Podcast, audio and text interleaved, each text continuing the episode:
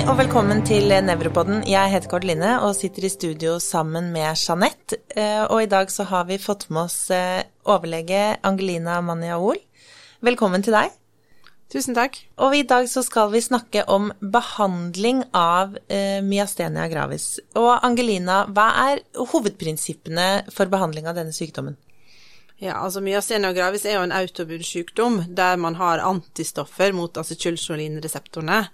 Og da finnes det to uh, behandlingstyper. Det ene er en symptomatisk behandling som da er en uh, cholinesterasehemmer som skal uh, dempe nedbrytningen av acetylcholin i den nevromuskulære synapse.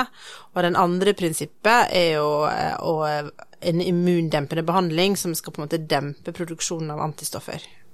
Hvis vi først går inn på den symptomatiske behandlingen, eh, så nevnte du eh, det er mestinom? Er det ja. Mestinon, med Mestinon, N, N ja. til slutt. Og det er det, det samme som pyridostigmin, som er på en måte det stoffet som virker, da. Og det er en uh, tablett som uh, man kan ta tre-fire ganger daglig, og den varer fire til fem timer og gir en økt muskelutholdenhet. Nå I en tidligere episode så har vi snakket om eh, okulær myasteni og generalisert. Behandler man begge med den her? Ja, det kan man eh, godt gjøre, men man ser ofte at de med okulær myasteni ikke har like eh, god langtidseffekt med denne behandlingen. Men den fungerer på begge typer. Og dette er det første man starter med når man har en myasteni-pasient? Ja, og det er fordi den er veldig enkel å starte med. Og, og så er det slik at man kan også bare slutte med den eh, og ta den akkurat når man vil. Det du sier der, syns jeg egentlig er litt viktig take home message. Det er en symptomatisk behandling, og at de tar den litt mer etter behov. Ja, og så er det viktig også å vite at man kan faktisk time inn og ta behandlingen på tidspunkt der de faktisk trenger den. F.eks. skal de stå og handle, eller skal de gjøre en aktivitet. Så skyver man litt på behandlingen sånn at de får effekten når de faktisk trenger den. Den har ganske rask halveringstid, den medisinen her, da. Den, den fungerer ganske fort. Ja, den begynner å virke etter ca. en halvtime, og så har den toppen etter et par timer, og så går den gradvis ned. Og jeg tenker at prinsippene for behandling er litt sånn viktig å kjenne til, og litt sånn som vi sier at dette er en veldig god modellsykdom for å forstå den nevromuskulære synapse og hva som skjer der. Og det å kjenne til acetylkjolin esterasen, altså den som nedbryter acetylkjolin, det er viktig. Eh, og ved å gi da en hemmer av acetylkyolinesterasen, gjør at acetylkyolin holder seg lenger i synapsen, sånn at de litt få postsynaptiske reseptorene faktisk får det nevrotransmitteret de skal ha. Altså at den på en måte i hvert fall leverer noe, sånn tenker jeg litt på det. Jeg tror det er litt viktig å liksom kjenne litt til patofysiologien, så vi må jo bare reklamere for den forrige episoden. Flere av disse eh, myaseni-pasientene de blir jo dårligere utover dagen. Tar man denne medisinen, sånn som du sier, litt mer utover? Det har kanskje ikke så mye for seg å ta den på morgenen, da? Jo, altså ofte når de Altså de, de tar det på morgenen, for da har de litt å gå på, men så må de også ta den utover dagen, fordi den varer jo bare fire til fem timer. Så vi anbefaler at den overlapper litt i løpet av dagen. Hvor lenge for en pasient ofte fungerer denne medisinen? Når går man over eh, til noe mer aggressiv behandling? Ja, altså de, aller fleste har veldig god virkning i starten, men så må man vite at uh, etter hvert kan hende at antistoffene blir Det blir mer og mer antistoffer, og da klarer man ikke å behandle alt med denne medisinen, og da vil de tross alt bli svakere. Og da tenker man at da må man begynne med noe annet. Da er jeg litt på det der, har du ikke noe mottakerapparat, så er det ikke vits i å bare kjøre på med en esterasemmer, for da er det ingenting som tar imot det likevel. Så da må du bygge opp den postsynaptiske reseptorene og gjøre noe med hva som er selve årsaken. Ja, ved myastenia gravis bruker vi veldig mye av de samme medisinene som de har på andre autoimmune sykdommer, og det er jo prednisolon nummer én, og så er det de andre cellegiftene som eh, Jeg kan nevne et par, da, som heter Imurell, eh, og så har vi f.eks. Celcept og Sandimun, og også Rituximab, da, som, en, eh, som, som man kan gi intravenøst, som er en B-cellehemmer. starter man ofte med prednisolon? Ja, fordi den virker veldig raskt. Hvilken dose starter man på? Ja, altså det er jo, det er ofte litt individuelt, men, eh, men man vil jo starte eh, høyest mulig for å få raskest mulig effekt. Så jeg vil jo eh, hos en normalvektig person starte med rundt sånn sier en på rundt 60 kilo, da. Starte med 60 milligram. Men da vil jeg bygge, trappe opp raskt, da, fra 20 milligram med kanskje 10 milligram hver tredje dag, og kommer med raskt opp på 60 milligram. Og så hvis han har veldig god effekt på det, så bør han stå på det i tre til fire uker før man begynner å trappe langsomt ned, og da kan man eventuelt gå over til annenhver dag-behandling etter hvert, da. Men da er det en langsom nedtrapping over flere måneder. Og det her er en langtidsbehandling? Ja, det er en langtidsbehandling. Hvorfor starter man ikke direkte på høyt? For det har vært veldig mye diskusjoner rundt dette med myasteni. Starte høyt, gå nedover, eller eh, trappe oppover. Fordi Ja. på andre sykdommer så starter vi jo høyt. Ja, det, det er liksom todelt, da, fordi at uh, hos noen myasteni kan de faktisk bli enda dårligere hvis du starter på maksdose med en gang. Men eh, hvis man er på sykehuset og har god oversikt, så kan man vurdere det, avhengig av hvor dårlig man er, for da har man ikke så god tid, men som sagt, det kan faktisk forverre det. Hvis man klarer å finne en mellomting der man eh, trapper eh, opp relativt raskt innen noen dager, så kan det være en grei mellomting. Ja. For det er noen studier nå som viser at det er trygt å gjøre det, men du eh, foreslår det i litt kontrollerte former. Ja, og, og man bruker jo litt skjønn da når man gjør det, men, men i utgangspunktet, så lenge man er på sykehus, så er det i hvert fall eh, det tryggeste. Men hvis du har en poliklinisk pasient som trenger behandling, da bør du nok trappe opp litt langsommere. Ja, hva er langsommere da? Altså i, i løpet av én til to uker. Ja, og da starter du også på Så 20 milligram. Ja. Så lager jeg et eh, opptrappingsregime, da, der vi kommer opp til 60 f.eks. Ja, og dette står litt på Nevronell også. Ja, det står et forslag i hvert fall, og, og man kan gjøre man, Ja, man har forskjellige må måter å trappe opp på, da. Er det noe mer vi har lyst til å si om behandling?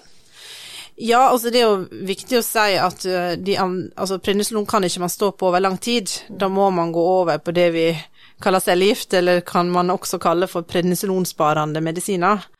Jeg bruker å starte opp kanskje etter én til to måneder, og så ser jeg da om uh, de da blir stabile på den uh, når vi trapper ned prednisolon parallelt.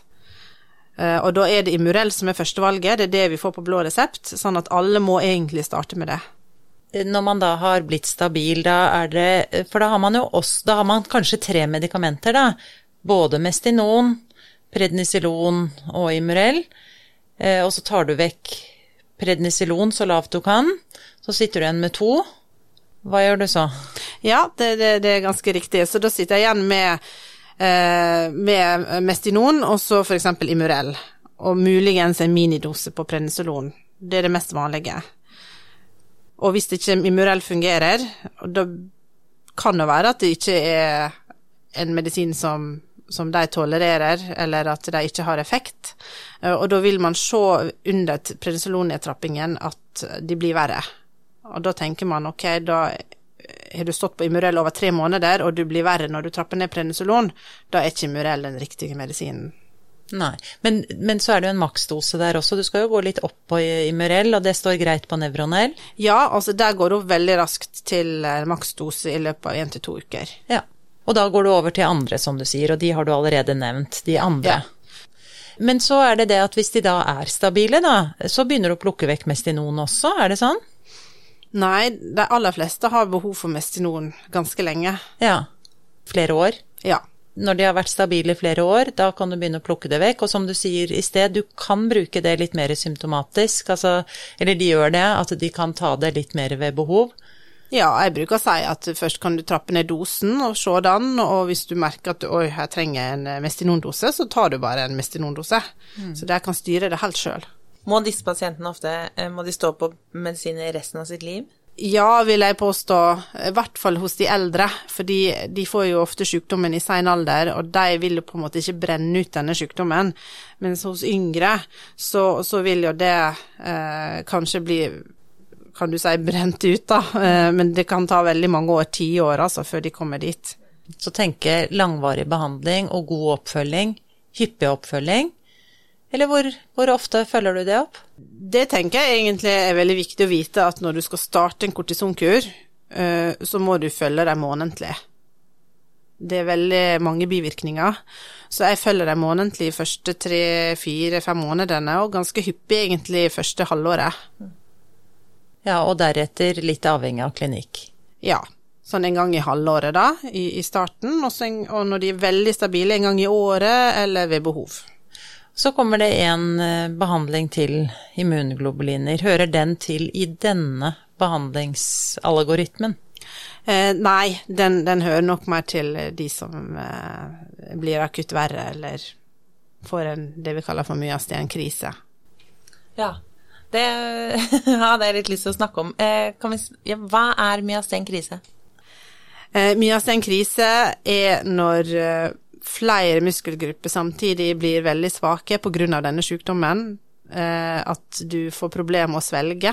Noen får, får problemer med å svelge sitt eget spytt og man får etter hvert eh, problemer med å puste og blir kortpusten. Da nærmer du deg, eller da er du i det vi kaller for en myastenkrise. Hvilke pasienter kan det her skje med? Altså, kan, kan, det være det første de kommer inn med? Kan noen komme inn med en myastenkrise, eller er det ofte pasienter som man vet har myastenia fra før, og så, som utvikler det til å bli en krise, da? Ja, altså jeg vil si det er begge som du nevner, da. Eh, det er både de som har kjent sykdom, og så kan det være de som eh, har nettopp fått sykdommen, men ikke starta behandling eller fått utredning. Og da kan de komme inn eh, veldig med dramatisk muskelsvakhet. Og da er det jo viktig selvfølgelig at noen klarer å stille den diagnosen. Ja, for disse kan man eh, få inn på akuttmottaket, og de kan jo være veldig dårlige. Hvordan kan man egentlig vite at det her er en uh, myastenpasient? Ja, altså jeg tenker man må jo for det første prøve å finne ut litt av forhistorien. Eh, og så må man For det, det starter ofte ikke akutt. De har nok hatt en forhistorie på muskeltrettbarhet eller muskelsvakhet. Eh, og de aller fleste som jeg kan huske, i hvert fall Eh, som er kommet inn her på, eh, på Ullevål, er jo de eldre pasientene. De, eh, de, er kanskje hyppigst med å komme inn med myastenkrise, for de kan jo bli feildiagnostisert med slag eller noen andre diagnoser. Så de kan være veldig dårlige, men det kan også ramme de yngre. Men de kan komme inn med, med muskellammelser og pustevansker? Er det det vanligste? Ja, det er ikke alltid det starter med pustevansker, men jeg tenker jo svelgvansker. Eh, veldig sliten i eh, all muskulatur, i nakke. Da må man i hvert fall ha litt sånn eh, antenner ute. Mm. Og selvfølgelig pusteproblemer. Eh, hvis det er kommet så langt, da er de eh, nesten respiratortrengende. Ja. Og hvordan behandler vi disse pasientene i akuttfasen? Eh, ja, altså er man sikker på diagnosen, eh, eller har veldig, veldig sterk mistanke, så skal man behandle det med, med immunglobuliner, altså vil si intravenøs eh, immunglobuliner, der man på en måte binder opp eller vasker ut de autoantistoffene, eller man kan også gjøre det som en plasmaferese, som også er i prinsippet det samme. Men en sånn type behandling, det tar jo ofte litt tid før den behandlingen virker, gjør det ikke det? Eh, jo, altså man kan eh, Det kan ta noen dager. Og da kan hende det er for seint at man klarer å snu det, sånn at noen faktisk eh, havner på respirator en periode fordi vi ikke klarer å snu eh, utviklingen. Men effekten vil komme mest sannsynlig etter noen dager. Skal man gi disse pasientene prednisolon i akuttfasen? Eh, jeg vil si at jeg ville ha gitt prednisolon også i akuttfasen, ja høydose, eller hva? Ja, altså hvis det ligger på en intensivavdeling, da er det bare å, å gi høydose 60 mg eller opptil 80 mg eh, daglig. Og så Mestinon, da, skal de, skal de få sin grunnmedisinering? For det har også vært mye diskutert med tanke på sliming, og spesielt når de ligger på intensiven. Ja, i prinsippet, hvis de kommer inn med krise og, og står på ganske høy dose Mestinon, så er det vel anbefalt å, å, å, ta den ned til halvparten i hvert fall, fordi det kan uh, trigge mer sliming i luftveiene. Mm. Så det kan man absolutt vurdere. Men jeg hadde ikke tatt den helt bort. Nei. Skal man samtidig også starte med så alvorlige symptomer, starte noe cellegift, i murell? Nei, det hadde ikke jeg starta med. Nei, så prinsippet er eh, immunglobuliner og steroider. Ja. Ja, men eh, bra. Eh, Jeg syns vi har eh, gått ganske bra gjennom behandlingen nå. Er det noe mer du har lyst til å tilføye helt til slutt, Angelina? Ja, jeg tenker at det er viktig å vite at denne sykdommen kan man faktisk behandle med, med flere medisiner, og man kan bli veldig bra. Mm. Og jeg har jo ikke kommet inn på nye behandlinger som er på trappene. Jeg tror kanskje jeg vil bare nevne det veldig kort, fordi det vi ikke har vært innom er jo dette med komplementhemming hos myasteni-pasienter, som er man har visst om at komplementsystemet spiller en veldig viktig rolle eh, for de med acetylcholinreseptor-antistoffer. For disse antistoffene aktiverer komplementsystemet og også produserer noe som heter membran attacking complex, som er med på å destruere muskulaturen i tillegg. Og det har på en måte ikke vært noen medisin mot det. Og det er noe som er nytt og er utvikla og er prøvd ut, og det er veldig spennende, for det gir faktisk en, eh, en veldig god effekt. Ja, Så her er det mye, mye håp på, i forhold til god behandling. Absolutt. Ja. Jeg har lyst til å tilføye noe, for dette, jeg må bare spørre deg om dette med feilbehandling, da. Altså eh, medisiner som kan øke de myastenene symptomene, og hva vi skal holde oss borte fra. For der vet jeg at det finnes gode lister eh, på Nevronell, tror jeg.